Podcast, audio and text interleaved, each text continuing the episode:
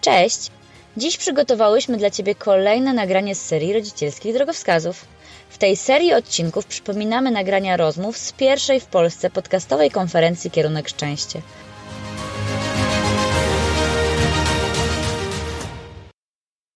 Miałaś możliwość wysłuchać już rozmów o siedmiu drogowskazach. I teraz przyszedł czas na ósmy. Drogowskaz ósmy. Proaktywność. Czym jest proaktywność? Naszym zdaniem jest wolnością, ponieważ podstawowym jej elementem jest wybór. Decyzje na temat podejmowanych przez nas działań lub ich zaniechania.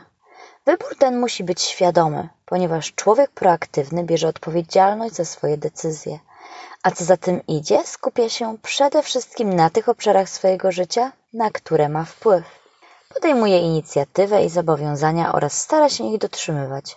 W kontakcie z innymi, ale też z samym sobą stara się stosować komunikację empatyczną. Przeciwieństwem tej postawy jest reaktywność, w której człowiek, jak sama nazwa wskazuje, po prostu reaguje na bodźce.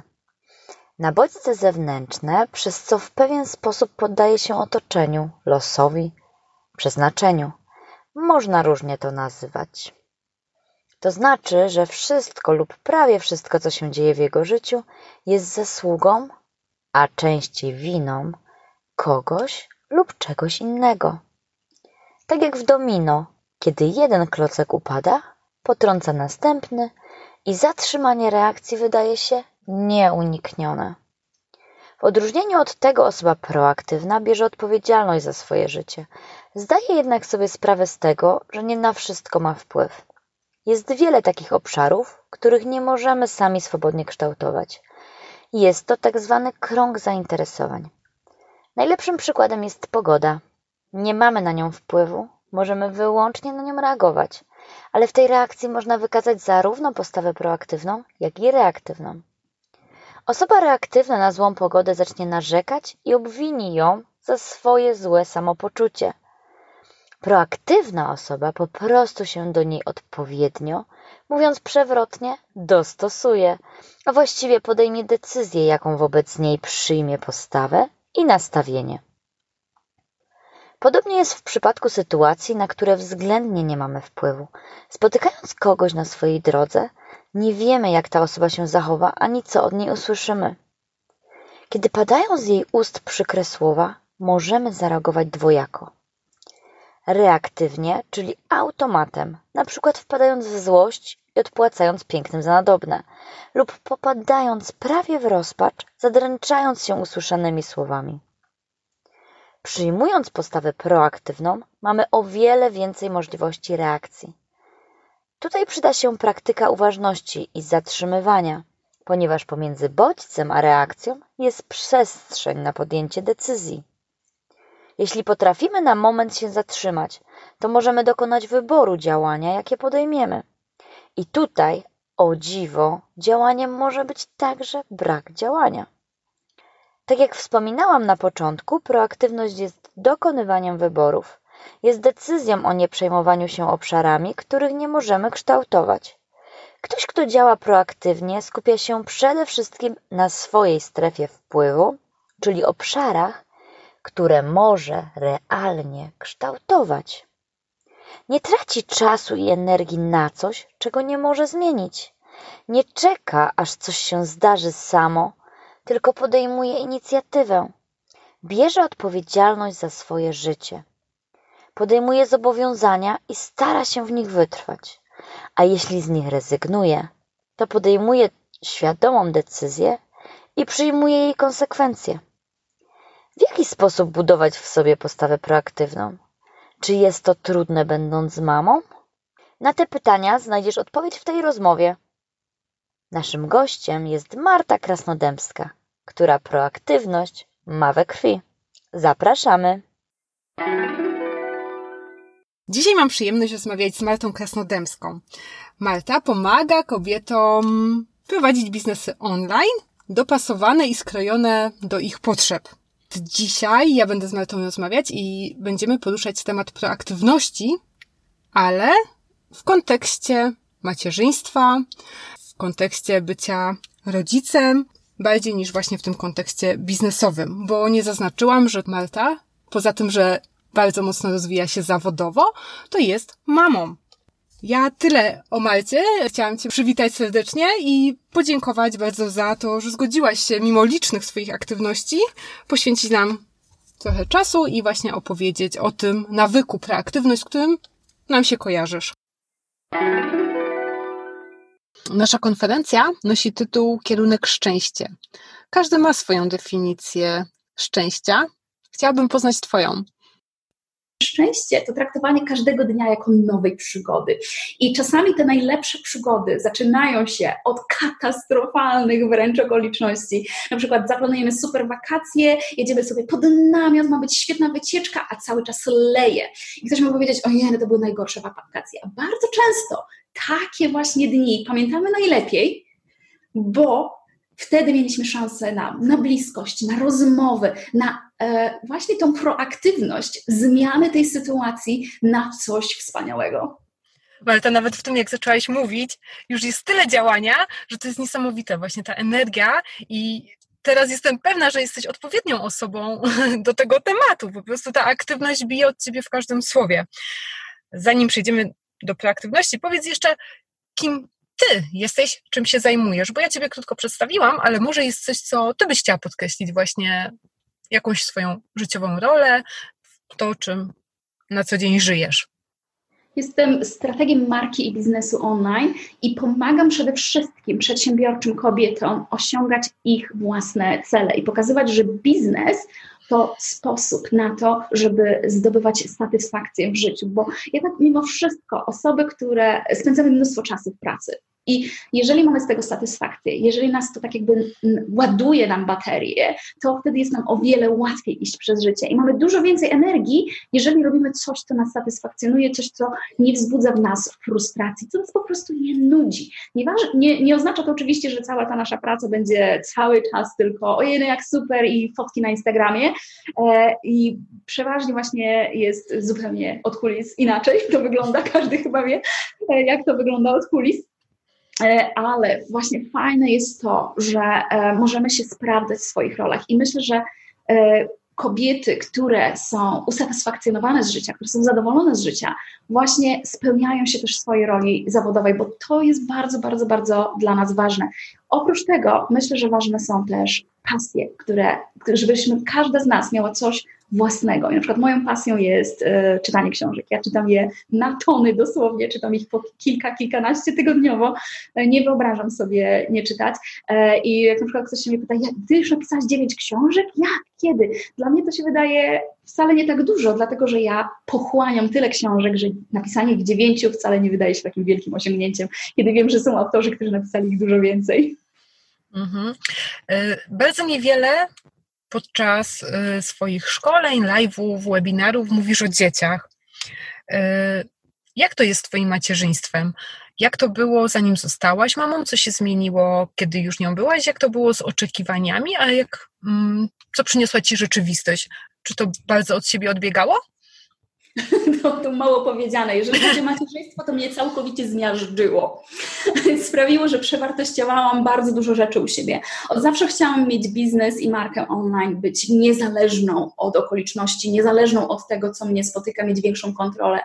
I prawdę mówiąc, pewnie tak jak każdy, bym mocno, mocno, mocno zwlekała z tą decyzją, gdyby właśnie nie macierzyństwo. I gdyby się nie okazało, że e, połączenie mojego etatu z macierzyństwem było praktycznie niemożliwe. Nie dość, że czasowo to było niefajne, finansowo też się nie opłacało, a e, oprócz tego e, było też niefajne to, że ja po prostu chciałam być z moimi dziećmi. I dlatego przewartościowałam sobie wszystko, przewróciłam do góry nogami i szybciej wprowadziłam w życie swoje plany, właśnie po to, żeby móc się realizować jako mama i całe szczęście, bo inaczej nie mam mojego pojęcia, jakby to wyglądało. I jeżeli chodzi o Twoje pytanie, to, to uważam, że tak, macierzyństwo miażdży e, i to bardzo, bardzo mocno. I to tylko pokazuje, z czego jesteśmy zrobione, jakby chodzimy po drugiej stronie, tak jakby z tego, dlatego że wszystkie nasze wartości, nasze przekonania musimy zweryfikować, dlatego że w tym momencie e, dzieci są naszym priorytetem. Ja uważam, że po prostu dzieci są naszym priorytetem. Nie ma już innego priorytetu wtedy. I bardzo ciężko jest czasami odnaleźć w tym siebie. ja na początku, jeżeli chodzi o macierzyństwo, bardzo mocno siebie zagubiłam. E, dlatego było mi tak ciężko, bo tak jakby słuchałam wszystkich tych oczekiwań i, chciałam być najlepszą mamą, ale każdy ma inną definicję bycia najlepszą mamą. Jak się starasz spełniać definicję wszystkich innych osób dookoła, to, to czujesz się jakbyś zawodziła na całej linii. Bo jeżeli zrobisz coś dobrze według jednej definicji, to druga osoba przyjdzie, ale nie, nie, nie, nie, nie, to jest kompletnie do kitu, jak ty tak możesz, zniszczysz swoje dziecko na koniec, całkowicie. I ty sobie myślisz, ale jedyne co to ja dałam mu jabłko, ale to nie można, jeszcze nie można. I tak się nagle okazuje, że każdy drobiazg ur, urasta do rangi problemu, bo każdy nagle jest ekspertem od macierzyństwa, a najwięcej opinii o macierzyństwie mają te osoby, które się patrzą na inne dzieci. Tak? Bo, bo jak się patrzy na swoje własne dzieci, jeżeli chodzi o macierzyństwo, to już ma się wtedy zupełnie inne poglądy i życie mocno to weryfikuje. I dla mnie, tak jakby, jeżeli chodzi o to macierzyństwo, to ja musiałam się przyzwyczaić do tego, że mój instynkt matki e, pokieruje mnie bardzo dobrze i żeby się bardziej, go, bardziej w niego wsłuchiwać i bardziej ufać sobie, e, że e, kochając swoje dzieci, będzie się robiło dla nich to, co najlepsze ze wszystkich sił i to naprawdę wystarczy. I to jest chyba ta, ta definicja, która bardzo umyka nam wielu, często i, i, sprawia, że mamy tyle frustracji, jeżeli chodzi o macierzyństwo, że my jako matki wystarczymy, naprawdę jesteśmy wystarczające, że y, to, że damy odgrzewany obiad dla dziecka, to nie znaczy, że zawiodłyśmy na całej linii czy coś takiego. Pięknie to powiedziałaś.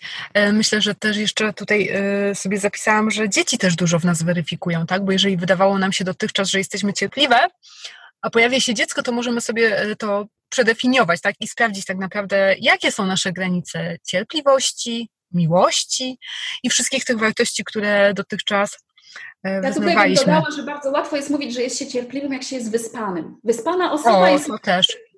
Tak, ale jeżeli na przykład cztery noce już nie spałaś, to, to nagle się okazuje, że jeżeli chodzi o cierpliwość, to jest jej po prostu bardzo mało. Ale to też dlatego, że my bardzo rzadko ładujemy swoje własne baterie. My zawsze dbamy o inne osoby, o dzieci, o całą rodzinę, o dom, staramy się spełniać oczekiwania wszystkich innych naokoło i zapominamy o sobie. A najważniejsze jest to, żeby pamiętać tak jak przy, e, jak się wsiada do samolotu, najpierw zakładamy w emergency, najpierw zakładamy e, maski dla siebie samych, żeby móc pomagać innym. Jeżeli nie będziemy ładować naszych własnych własnych baterii, to to się odbije na wszystkich. Więc wyspana mama to jest dobra mama. Tak, wypoczęta, zadbana, dokładnie. Wypoczęta, zadbana, zadowolona. I wiadomo, nie, no nie zawsze można pojechać na cały weekend do spa, ale czasami te pięć minut, pięć minut z kawą czy herbatą w ciszy i spokoju może sprawić, że bardzo dużo kryzysów zostanie rozwiązanych w zupełnie inny sposób, albo w ogóle zostanie zażegnane w zarodku, właśnie dlatego, że my będziemy mieli tę szansę na wzięcie takiego oddechu. Ale to jest dla Ciebie szczęście, bo troszeczkę już wspomniałaś, że bardzo jest to zbieżne z działaniem. E, czy masz jakąś swoją definicję szczęścia? Jeżeli chodzi o moją definicję szczęścia, to jest nią działanie według moich priorytetów, robienie tego, co ja uważam za ważne, wybieranie tego, co ja chcę zrobić dla najlepszego, dla siebie, dla mojej rodziny, żeby nie być zmuszonym, żeby żyć tak, jak chcę, a nie tak, jak muszę. I dla mnie definicją szczęścia jest właśnie to, żeby każdy nowy dzień był taką przygodą. Ona nie musi być idealna. Dla mnie szczęście nie oznacza, że będzie wszystko idealne, ale jeżeli będzie przynosić radość, ekscytację, jeżeli będą te super momenty, to one wynagrodzą wszystkie te złe, wszystkie te taplanie się w przysłowiowym błocie, e, będzie po prostu częścią tej przygody. I wydaje mi się też, że odczuwamy szczęście bardziej właśnie wtedy, kiedy mamy ten punkt odniesienia, kiedy wiemy, że może, mogłoby wyglądać to zupełnie, zupełnie inaczej. Więc każdy nowy dzień to jest nowa przygoda i dla mnie to jest szczęście, że mamy jeszcze nadalszą szansę, żeby to odczuć, żeby tego doświadczyć. Poznałaś moją definicję preaktywności, a jaka jest Twoja? Jak Ty czujesz właśnie to działanie? Jak to definiujesz? Jesteś w stanie jakoś... Dla mnie to jest po prostu naturalne. To, że mhm. działanie dla mnie, proaktywność sprawia, że mamy nad tym kontrolę. Dzięki temu czuję się pewniej, dzięki temu czuję, że dbam o siebie, o swoją rodzinę, o ich bezpieczeństwo, o ich dobre samopoczucie, o ich, o ich radość z życia. Właśnie to, że podejmuję jakieś działania, że mogę coś zmienić, daje mi tą satysfakcję. Więc jeżeli chodzi o proaktywność, dla mnie to jest właśnie to poczucie kontroli, dla mnie to jest ważne, bo żyjemy w świecie, który, który miota nas tak naprawdę w tą, we w, w tamtą stronę, w tej we w te, a dzięki temu, że mamy pewien wybór, możemy dokonywać pewnych, pewnych wyborów, dzięki temu czujemy się pewniej, dzięki temu jest nam łatwiej. Czyli to poczucie kontroli to jest dla ciebie taka wolność w wybieraniu decyzji. Tak, coś takiego. To, że tak? możemy wybierać decyzję, że, my, że mamy to prawo wyboru. Dla mnie to jest bardzo, bardzo ważne, że nikt nie decyduje za nas. Ta wolność mhm jest dla mnie bardzo istotna. Mam wrażenie, że właśnie taki nawyk proaktywności, ta proaktywność dla Ciebie jest bardzo naturalna, że tak jakbyś się z tym urodziła. Mm, jak to było u Ciebie w rodzinnym domu? Miałaś przestrzeń właśnie na to, żeby być takim dzieckiem, nastolatką bardzo działającą, aktywną, stąd to wynika? Czy uczyłaś się tego? Ciężko jest mi odpowiedzieć na to pytanie. Nigdy się nad tym nie zastanawiałam nawet nigdy nie myślałam, że był kiedyś jakiś punkt, w którym nauczyłam się działania. Y, nie, zawsze tak było, dlatego że dorastałam w takim miejscu, a nie innym i e, zawsze widziałam też, e, że byliśmy na przykład rodziną, która dużo podróżuje. Dla nas żadnego, żadnym problemem było wsiąść w samochód, przejechać 400 kilometrów na koniec Polski e, albo do, do, zupełnie do innego kraju. E, pamiętam na przykład z dzieciństwa, jak pojechaliśmy kiedyś do Łotwy, pierwszy raz widziałam wielkiego, e, wielkiego wypchanego niedźwiedzia i to, co się widzi na obrazkach, to jest zupełnie co innego, jak się człowiek taki malusieńki stanie, a wtedy ten niedźwiedź ma dwa metry, taki wypchany, to nie wiem, może miałam pewnie tam z 10 lat, a ja do tej pory go pamiętam, tego ogromnego niedźwiedzia. I myślę, że jeżeli chodzi o proaktywność, to, to, to nie jest jakiś jeden punkt, jedna rada, tylko właśnie taki szereg zdarzeń, pokazywania, że nieważne jaka jest sytuacja, że damy sobie radę, jeżeli przeanalizujemy sytuację, jeżeli nas spokojnie dokona, dokonamy pewnych decyzji, jeżeli właśnie zaczniemy działać, zamiast pozwalać, żeby ktoś za nas y, sterował tym, co my chcemy osiągnąć z życia. Myślę, że bardzo motywujesz w swoich działaniach kobiety, w tym mamy, do właśnie takiej proaktywności, Jakie wyzwania zazwyczaj mają mamy, które chcą być proaktywne, a jakoś im nie wychodzi? Skąd to się bierze? Wydaje mi się, że po, po, pierwsze to jest brak czasu. E, po pierwsze to jest brak czasu i źle pojęty perfekcjonizm, bo brak czasu wynika właśnie ze źle pojętego perfekcjonizmu. Dlatego, że od nieumytych okien na przykład, te, nie, te umyte okna mhm. jakoś tak często przewijają, taki świetny przykład, ale od nieumytych okien jeszcze nikt nie umarł, taka jest prawda. No sąsiedzi mogą cię powytykać palcami. Jak teściowa przyjdzie, to też zawsze się sprząta namiętnie każdy, każdy kątek, ale prawdę mówiąc, to y, nikt nie dostał nagrody, nikt, nikt nikomu na nagrobku nie napisał, zawsze miała czystą podłogę i nigdy nie miała kurzu na, na czubku szafy. Y, więc jeżeli chodzi o ten źle pojęty perfekcjonizm, to bardzo często próbujemy spełniać priorytety innych osób, co sprawia, że nie mamy czasu na spełnianie własnych marzeń. I to, to nam przeszkadza. I też jest inna strona medalu. Całe życie nas uczy, ktoś uczy, że musimy być, postępować według czyjegoś grafika. Musisz być na tą i tą godzinę w szkole, musisz być na tą i na tą godzinę w pracy. E, zeznanie podatkowe trzeba złożyć do tego i do tego dnia. Jesteśmy przyzwyczajeni tak jakby do tego, że ktoś nam wyznacza te terminy, ktoś nam was wyznacza jakieś cele i gdzie nie musimy tak jakby dostosować nasze działania, żeby spełniać czyjeś cele. A jeżeli chodzi o realizację własnych marzeń, to trzeba sobie powiedzieć stop Trzeba sobie powiedzieć stop, że to ty masz kontrolę nad własnym życiem i nie czekaj, aż będziesz miała 40, 50, 60 lat, żeby się zorientować, że całe swoje życie przeszłaś pod dyktando innych osób. Zastanów się na przykład, jeżeli miałabym dać jakąś radę, to zastanów się, co ty chcesz osiągnąć z życia, co jest dla ciebie ważne. I to nie chodzi o to, że nagle wynaleźć lekarstwo na, na raka. Jeżeli jesteś biochemikiem, to super, że się tym e, na przykład zajmujesz. E, jeżeli zbawiasz świat, to też jest fantastyczne, ale czasami wystarczy usiąść i wypisać na karteczce swoje własne priorytety. Na przykład, że 5 minut dziennie rano mam na wypicie tej kawy i herbaty na ogrodzie. Nawet jak pada, to stoję w oknie i się patrzę na ten ogród i to jest moje. I to jest moje. I wtedy wiesz, że zadbałaś o siebie, że zrobiłaś to, co jest dla ciebie ważne, i dzięki temu masz wtedy tą cierpliwość, żeby dbać o innych. Mhm. A jakie jeszcze małe kroki mogą nam pomóc właśnie w byciu takim proaktywnym? Takie w codzienności, w tej, której jako mamy. To mhm. Ja to nazywam hakerski kwadrans, 15 minut. 15 minut, czasami to jest 5 minutów, ale chodzi o to, żeby sobie wypisać listę. Ja na przykład mam ją na telefonie, dlatego że telefon mam praktycznie cały czas przy sobie e, i mam aplikację Google Keep, gdzie są mam podznaczane sobie takie rzeczy, albo można zrobić to samo w Evernote, w jakiejkolwiek innej aplikacji.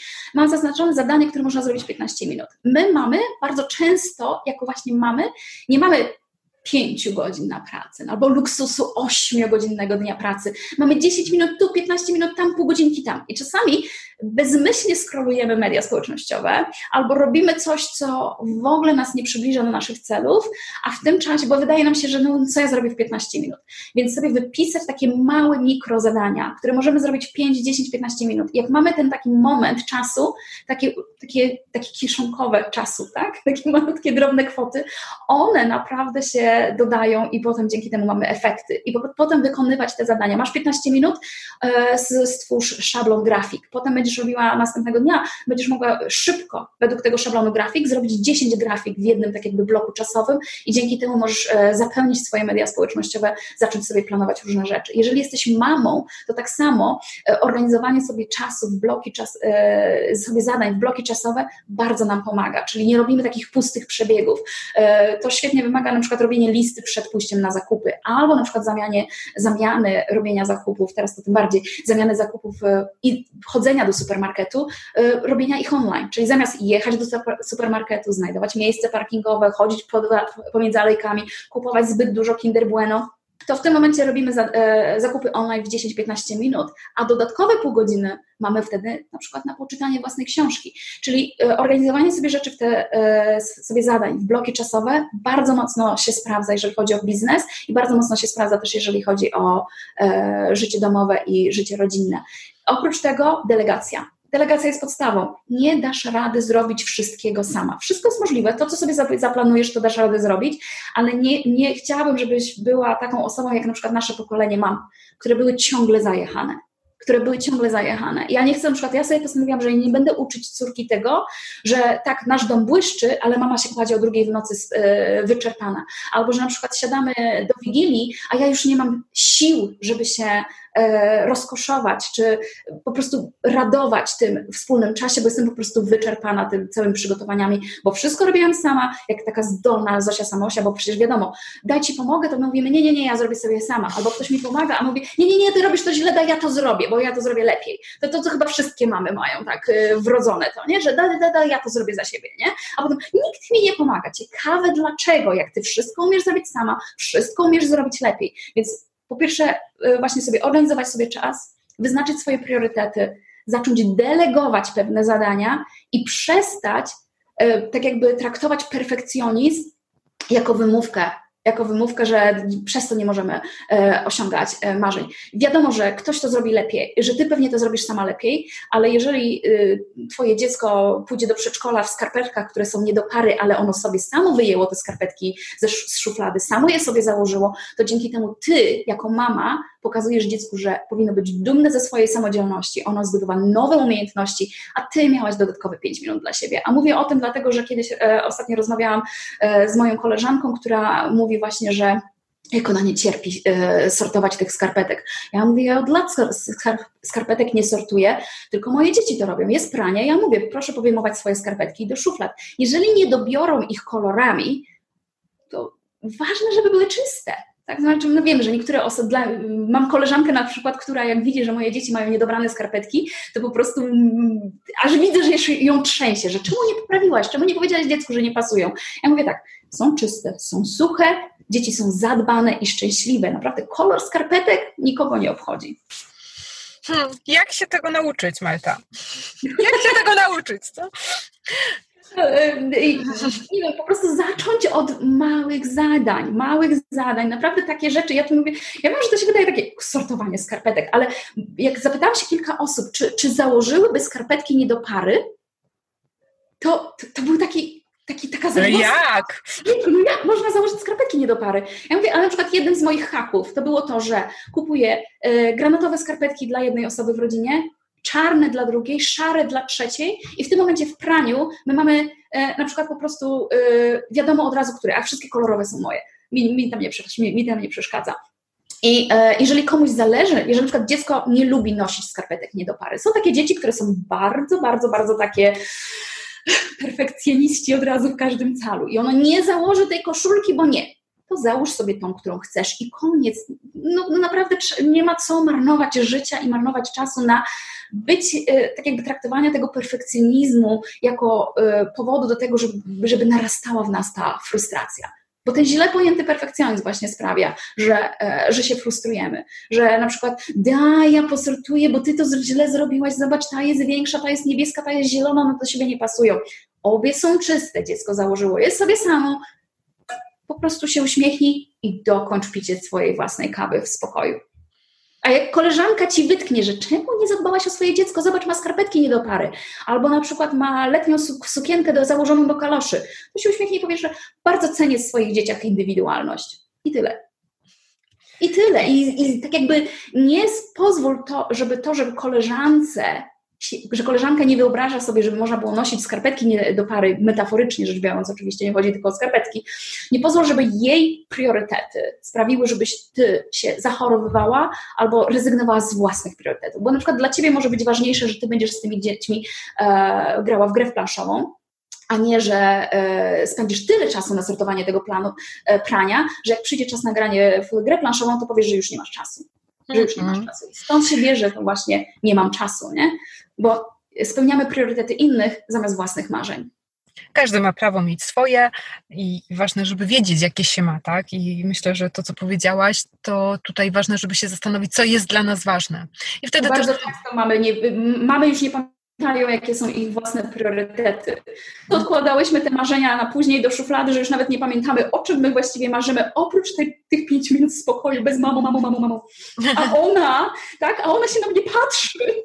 Ona się na mnie patrzy i masz ochotę go, pięć minut, proszę, pięć minut. I to jest też bardzo ważne, żeby właśnie y, pamiętać, żeby zacząć od dania sobie tej przestrzeni, y, odpuścić sobie, naprawdę odpuścić sobie, zacząć delegować pewne rzeczy, zacząć się zastanawiać, czy robisz coś dlatego, że inni to robią, czy że ty tego naprawdę chcesz. Ty musisz wypracować sobie swój własny, który będzie działał dla ciebie, a nie realizować czyjś plan na życie, bo, no bo powtórki nie będzie, nie? Powtórki nie będzie. Pięknie. E, a w jaki sposób ty, Marta, w swoje życie wprowadzasz nowe nawyki? Ciężko. Długo. No co to? nie. Najlepiej na mnie działają. Jestem osobą, która e, cięż, mi, mi, ciężko przychodzą nowe nawyki, e, dlatego wypracowałam sobie system, w którym bardzo dbam o to, żeby powstał, powstała taka zależność, e, że jest jakaś nagroda. Więc na początku wiem, że o nawyk trzeba zadbać, więc za każdym razem, jak wykonam jakieś zadanie, żeby się łączyło z, na, z nagrodą. Druga bardzo dobra wskazówka, którą kiedyś już usłyszałam, która świetnie się sprawdza, to budować jeden nawyk na starym nawyku. Czyli nowy nawyk budujemy na starym nawyku, więc jak ten stary nawyk mamy tak jakby na automatycznie, to w którymś momencie ten nowy nawyk nam tak jakby się wbuduje też automatycznie. I podam to na przykładzie. Kto robi, y, na przykład stawanie na palcach, bardzo dobrze wpływa na kręgosłup. My jako dorośli, dzieci to bardzo często robią, ale my jako dorośli bardzo słabo się rozciągamy. I takie wstawanie na palcach, mam ochotę zademonstrować, ale to jest podcast, więc nikt nie będzie widział, ale po prostu stanąć na palcach. Jeżeli chcesz wprowadzić swój nawyk taki, że po prostu będziesz pamiętać, żeby się porozciągać w ten sposób i 10 razy stanąć na palcach, no to tak jakby w ciągu dnia to może tydzień minąć i ty już zapomnisz, że miałeś mieć taki nawyk. Ale jeżeli sobie postanowisz i napisz, na przykład napiszesz na karteczce i sobie przylepisz na lustrze w łazience, że jak myjesz zęby, to stajesz na palcach i liczysz do 50 i stajesz i wtedy masz rozciągnięte mięśnie, mięśnie łydki. Takie proste coś. Myjesz zęby, to i tak już, mycie zębów już jest twoim nawykiem, i po prostu sobie stajesz na palcach te 10 razy, albo na przykład przez te dwie minuty, kiedy myjesz zęby. I dzięki temu e, ten nowy nawyk jest taki bezbolesny. Mhm. Do tego, co mówisz, to właśnie też niedawno zauważyłam, rozmawiając o różnych nawykach, y, że w momencie, kiedy je poznajemy, chciałybyśmy wszystkie naraz wprowadzić w życie, tak? O tak, Tutaj... tak, od razu, tak. E, I później się frustrujemy, że nic z tego nie wyszło, albo od razu startujemy z takiego mm, wysokiego C, czyli no będę od razu piła dwa litry wody na przykład na dzień, tak? E, zamiast zacząć od jednej szklanki i tego gdzieś tam pilnować i cieszyć się, że no udało się to wdrożyć Śmiesznie, że piszesz o tej, że mówisz o tej e, wodzie, bo ja na przykład jestem taką osobą, która wodę ma wszędzie, która ja po prostu nawet nie liczę szklanek, jak to jakieś szklanki. Ja muszę mieć wodę, ja dwa litry, trzy litry dziennie wypijam. Jak nie mam wody wokół siebie, to e, zawsze mam właśnie wodę na biurku, mam właśnie ten e, e obok siebie, no mnóstwo tego. Dla mnie, znowu, to jest dla mnie nawyk, którego ja nawet nie zauważam, mhm. tak? Tego, tego, że ja muszę pić dużo wody, bo mi się po prostu dużo lepiej myśli, jak jestem nawodniona. I e, oprócz tego kiedyś, bardzo, bardzo dawno temu, e, podjęłam właśnie taką zasadę, że nie piję kalorii.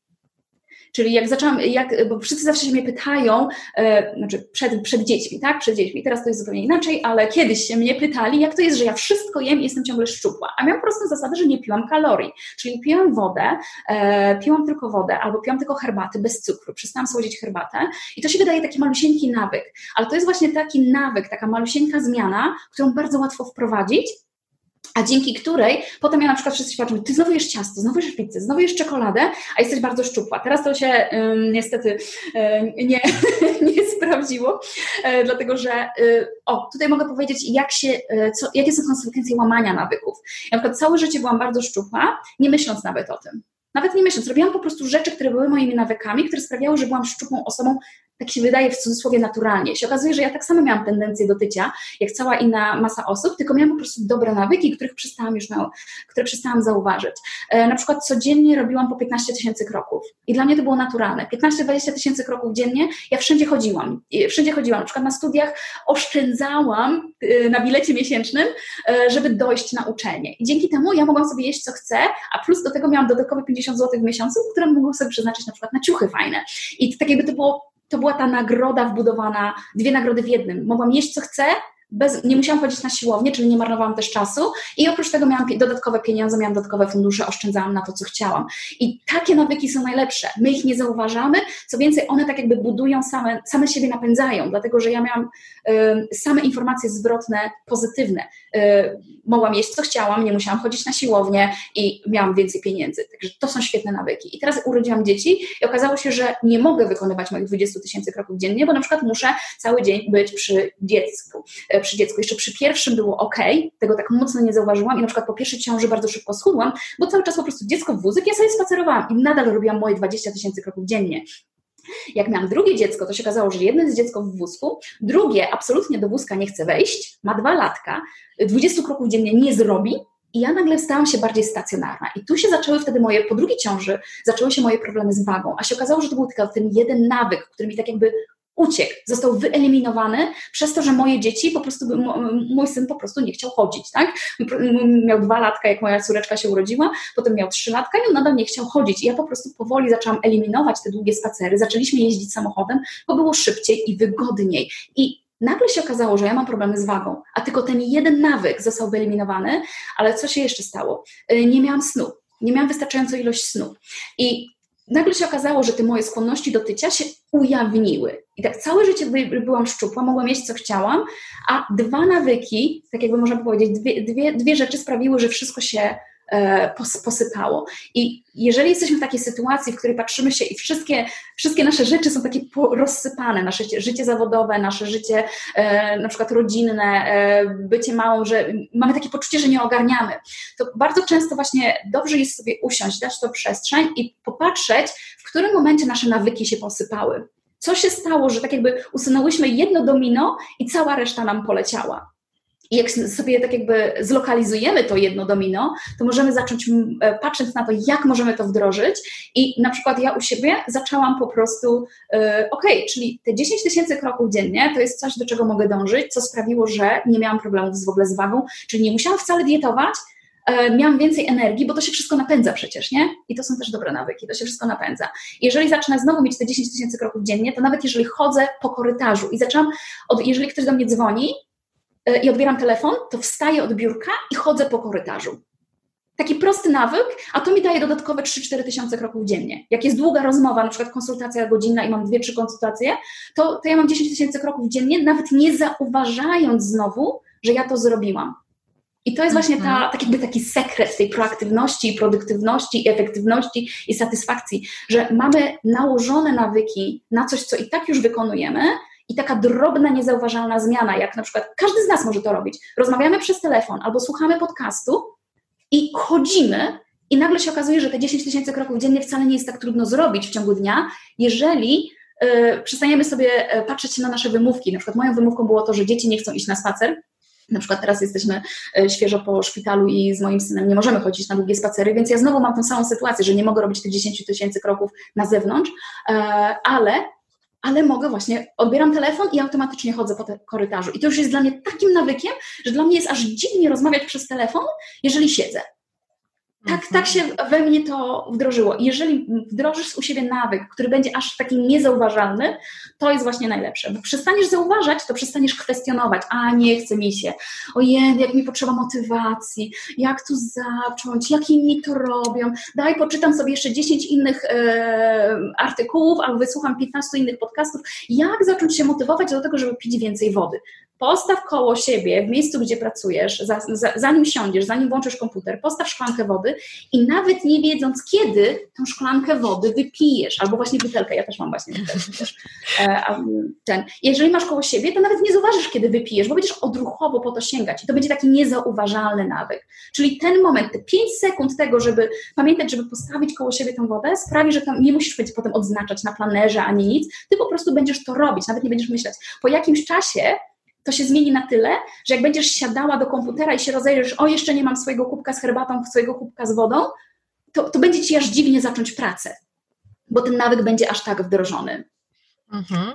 Z tego, co powiedziałaś, to wyciągnęłam dwa takie wnioski, że kluczowe przy nawykach jest zatrzymanie się i przyjrze, przyjrzenie temu, co mamy, jak to się u nas wszystko dzieje i odbywa, i dostosowanie wprowadzania do nawyku do naszych realnych możliwości i realiów, w których obecnie jesteśmy, tak? Że nasze życie się zmienia, zmienia się otoczenie i jeżeli chcemy wprowadzać te nawyki, nawyki to one muszą być zgodne z tym, co aktualnie mamy i z zasobami, Jasne, które mamy. Takie, tak, nie mogą być takie na papierze, bo idealne, bo idealne okoliczności to znowu będziemy czekały do poniedziałku, aż zaczniemy, od do nowego miesiąca, do pierwszego, do nowego roku i nagle minie 10 lat i się okaże, okaże, że jedyne, co musiałaś na przykład robić, to wykonywać 10 tysięcy kroków dziennie i pić 2 litry wody i, i nie miałabyś problemów na przykład, tak, z mhm. wagą. Wspomniałaś też o motywacji. Czy ta motywacja jest naprawdę takim kluczem do tego, żeby coś w życie wprowadzać? Jak to jest? Lubimy się motywować. Mhm. Uwielbiamy się motywować. A, a to w ogóle jakby nie działa, mam wrażenie. E, motywacja jest strasznie fajnym, e, bo czasami na przykład mamy wrażenie, że nas coś zmotywowało do działania, a potem siedzimy na kanapie i nadal tego nie robimy. Potem jest jakieś zdziwienie. No przecież czułam się taka zmotywowana, a tego nie zrobiłam. Dlaczego? Dlatego, że y, sukces jest nawykiem. Ja bardzo często mówię, sukces jest nawykiem. Czyli najpierw trzeba wyznaczyć sobie cel, wyznaczyć sobie kiedy, gdzie, jak konkretnie to realizujemy i sama motywacja, to, że ojej, jak ja bardzo tego chcę, jak ja bardzo czuję się zmotywowana, żeby to zrobić, nam nie wystarcza. W którymś momencie nam to nie wystarczy. Po prostu motywacja się wyczerpuje. Motywacja jest jak kąpiel, tak? Trzeba brać je codziennie, jak prysznic, trzeba brać codziennie, się wyczerpuje, trzeba ją odnawiać, a odnawia się ją właśnie w ten sposób, że się buduje nawyki i najlepiej właśnie zaczynać od małych, drobnych tych takich, ale kluczowych elementów, bo inaczej może się okazać, że mamy, że, że zajmujemy się nie tym krokiem albo takim malutkim kroczkiem, który sprawia, że drepczemy w miejscu i nie mamy efektów, no to wtedy nas to demotywuje. A jeżeli sobie przeanalizujemy całe nasze domino i zobaczymy, w którym momencie jest te kluczowe domino, które nam upadło, i ten element zmienimy, to jest tak jak na przykład, że o jem za dużo słodyczy. A czemu jesz za dużo słodyczy? Bo masz je w, w, szafce, tak? Jeżeli nie byłoby tych słodyczy w szafce, to byś ich nie jadła, to byś jadła ich chrupatą marchewkę, tak? Z humusem, czy z czymś tam innym zdrowym, nie? No bo jeżeli tylko to by było, no jeżeli masz ochotę na ten, jeżeli tylko to jest pod ręką, to będziesz jadła to, co jest pod ręką. Jeżeli masz pod rękę czekoladę, będziesz jadła czekoladę. Jeżeli, nie masz, e, jeżeli masz marchewkę, będziesz jadła marchewkę albo winogrona, albo, albo mrożone borówki, nie? I e, jeżeli zadbasz o ten kluczowy moment, że aha, dobra, podjadam wieczorami. Do, do zamrażarki wstawiam sobie e, mrożone mango, to jest moj, moja ulubiona przekąska ostatnio, mrożone mango, e, mrożone truskawki, mrożony banan, wszystko można mieć mrożone. Ja sobie rano robię z tego smoothie, a wieczorem można sobie na przykład podjadać te mrożone jagody, które są jeszcze lepsze niż e, jakiekolwiek lody, a mają zero kalorii dosłownie, e, to, to, to wtedy nie trzeba się zastanawiać nad tym, o matko, jęku, jak ja mam się motywować do chudnięcia, tylko po prostu przy następnych zakupach zamiast czekolady kupujesz pół kilo mrożonych borówek jagód. Czy czyli, zamiast, czyli zamiast motywacji proaktywność po prostu. E, Ale to się nie stanie, jeżeli sobie właśnie nie wyznaczamy konkretnego celu i tych takich malutkich zadań. Mhm. Czyli małe zadania i, i działanie. A powiedz Marta, w jaki sposób ty dbasz o siebie i swoją równowagę? Co ci najbardziej pomaga właśnie ładować swoje baterie? Czytanie książek.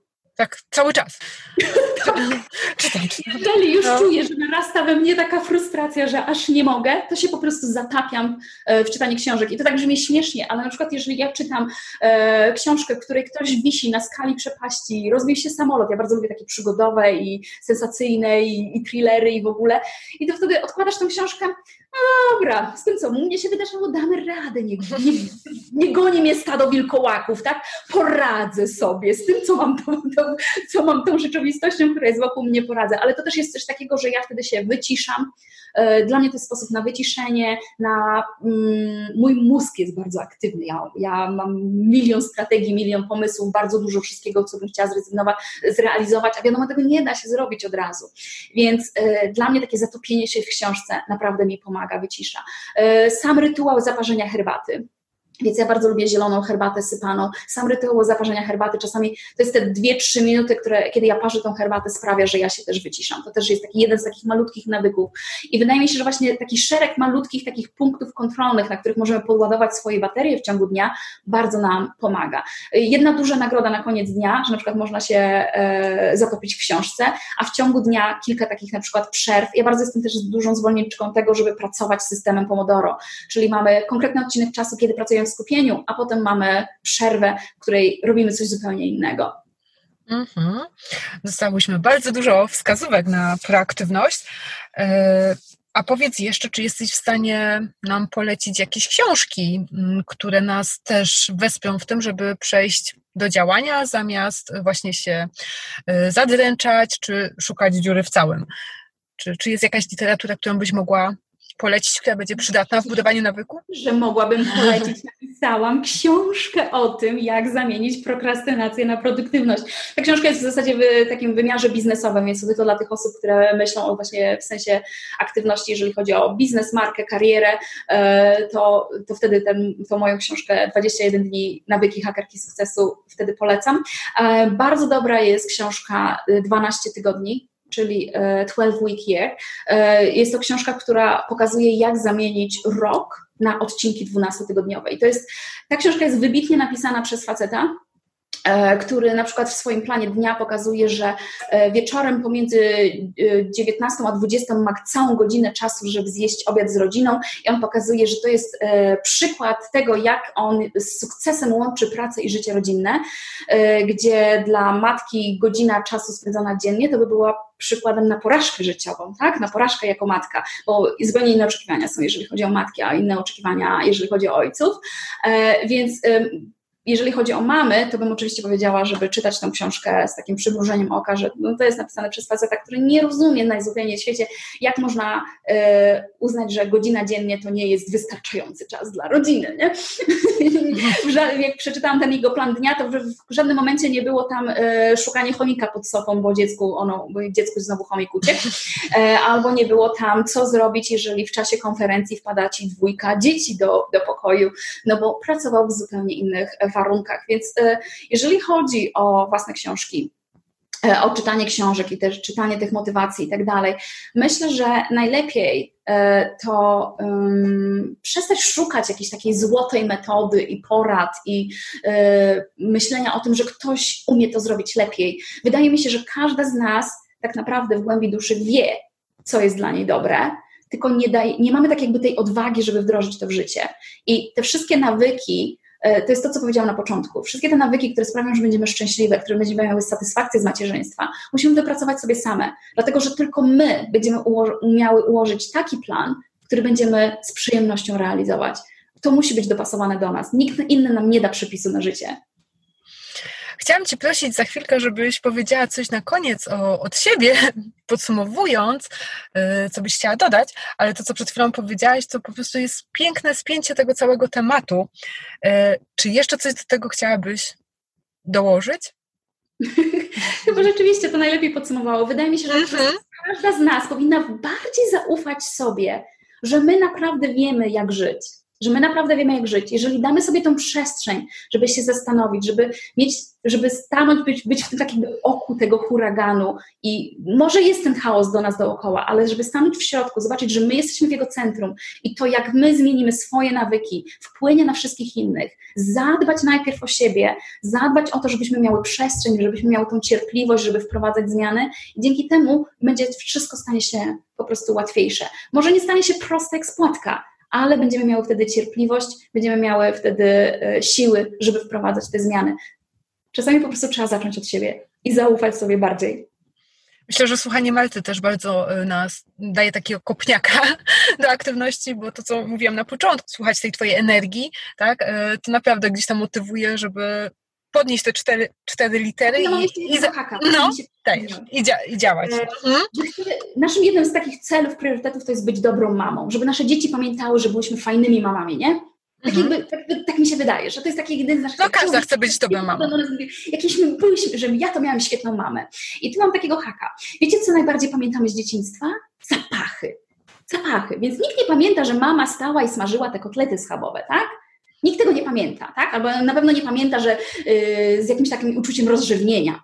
Ale pamiętamy, jak nam mama piekła ciasta. I to jest mój sposób. To jest mój sposób. Ja piekę dla moich dzieci e, na przykład muffinki z cukinii, piekę ciasta, czy tam chleb bananowy, czy różne takie rzeczy nowomodne, ale piekę też takie starodawne ciasta, żeby one pamiętały te zapachy, które ja pamiętam z dzieciństwa.